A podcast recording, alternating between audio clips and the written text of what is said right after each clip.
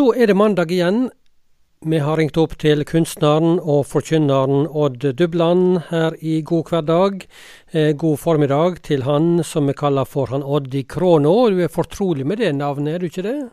Jo, god dag, god dag, Inge. Jeg sitter i krona mi her på Ålgård, jeg. Og så er det slik på mandagene at da kommer det en, først en telefon ifra deg, og så ringer du meg opp på Skype.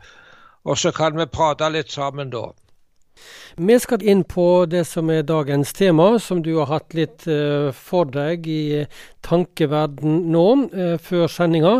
Vi skal snakke om en konge som, uh, som ville telle hvor mange våpenføre menn han hadde, men så glemte han noe midt oppi dette her. vi snakker om Bibelens kong David. Ja, du ser David, han uh, var en mektig konge, og han uh, kunne se det at fiendene som Israel hadde, de var stort sett nedkjempa.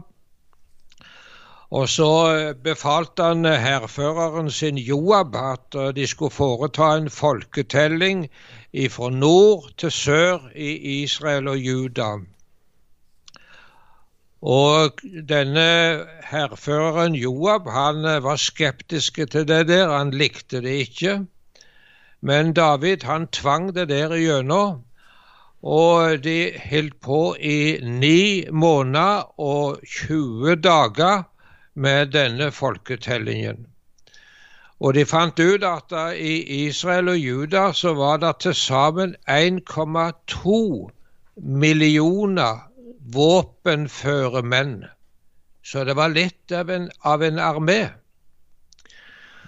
Og nå er det slik at i flere land, og i vår tid, så har de eh, svære eh, militærparader. Det har du sett i Moskva, det kan du se i Nord-Korea. De vil vise fram hvor sterke de er. Og det var det som David også hadde lyst til å vise, hvor sterke Israel var. Men det var en ting som David glemte av. Ja, og hva var det? Ja, han glemte av det viktigste av alt når det gjaldt Israel. Det var det at det var ikke ved egen makt og egen styrke og dyktighet som hadde gjort at de var så sterke og store. Men det var at Gud hadde hjulpet dem, frelst dem gang etter gang. Og dette glemte David av. Og så gikk makta til hodet på han, og det ble fryktelige konsekvenser av dette som David gjorde den gangen. Det var mye, mye nød som ble i Israel etterpå. Men så tenkte jeg litt på det, Inge. Nå, nå er det vår tid. og så jeg tenkte på det, vi er med i en misjon. Eh, en kristen misjon. Og her heter det Norsk Luthersk Misjonssamband. Og så tenkte jeg på det at det er i grunnen en stor organisasjon med mye folk. Du, du har jo jobba der og vært lønna tilsatt der i hele ditt yrkesaktive liv, Odd? Ja, jeg har i grunnen det. Jeg tenker f.eks. på alle skolene som Misjonssambandet har ifra med Drottningborg helt i sør til Fjellheim bibelskole i nord. Og den største av de alle er på Tryggheim, eller Tryggheim skole på Jæren. Og I disse skolene som Misjonssambandet har, så går det ca. 7000 elever, eller studenter. Og det er ca. 1100 ansatte. Men det som er vårt hovedarbeid i Misjonssambandet, det er til å sende misjonærer og fagfolk til unådde folkeslag og stammer med evangeliet. Dette har vi drevet på med i mangfoldige år. Vi har også nærradioer, slik som en hører på nå, så er også noe som Misjonssambandet driver. Vi har foreninger og vi har gjenbruksbutikker, og de står på for misjonen. Og det er, det er farlig mest å regne opp dette, fordi at det er alltid råd til å glemme noe som en ikke tar med. Men det er stort og omfangsrikt arbeid. Og det er båret opp av de brennende hjerters sak og ser på dette som et kall til å være med i misjonen. Og en kan være fylt av glede og få være med i en misjon der Guds rike skal breies ut. Og nå er det ikke farlig om misjonen er stor og omfangsrik. Det som er farlig for oss, det er hvis vi blir store og syns at vi er så dyktige, og at vi er flinke. Hvis vi gjør det, da gjør vi den samme tabben og synda som David gjorde. Ja, si litt, ja, si litt mer om hva som er faren med det. Ja, Faren er det at en eh, blir ikke avhengig av Gud lenger.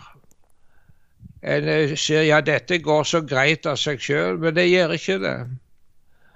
Og Det som er veldig viktig, at vi har et folk som, trenger Guds nåde og hjelp i det arbeidet vi står, og det trenger misjonen òg, altså. Og det er farlig når, hvis vi skulle bli store og se så stort på oss sjøl. Jeg kommer på en gang når eh, når paven var eh, i Rom, var, de var ferdige med Peterskirka. Jeg vet ikke om de er ferdige ennå, forresten. Det, men det var en gang når de hadde liksom ferdigstilt Peter, eh, denne svære kirka i Roma. Så sa paven det at ja, nå trenger ikke Peter lenger si sølv og gull har jeg ikke. Og Da var det en som sa til paven at ja, ja, men så kan ikke heller paven si 'ta din seng og gå'. Nei.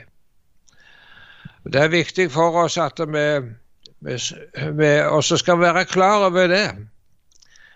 At uh, om en har en stor plass eller en mindre plass liksom utad i misjonen, så er enhver så veldig viktig allikevel.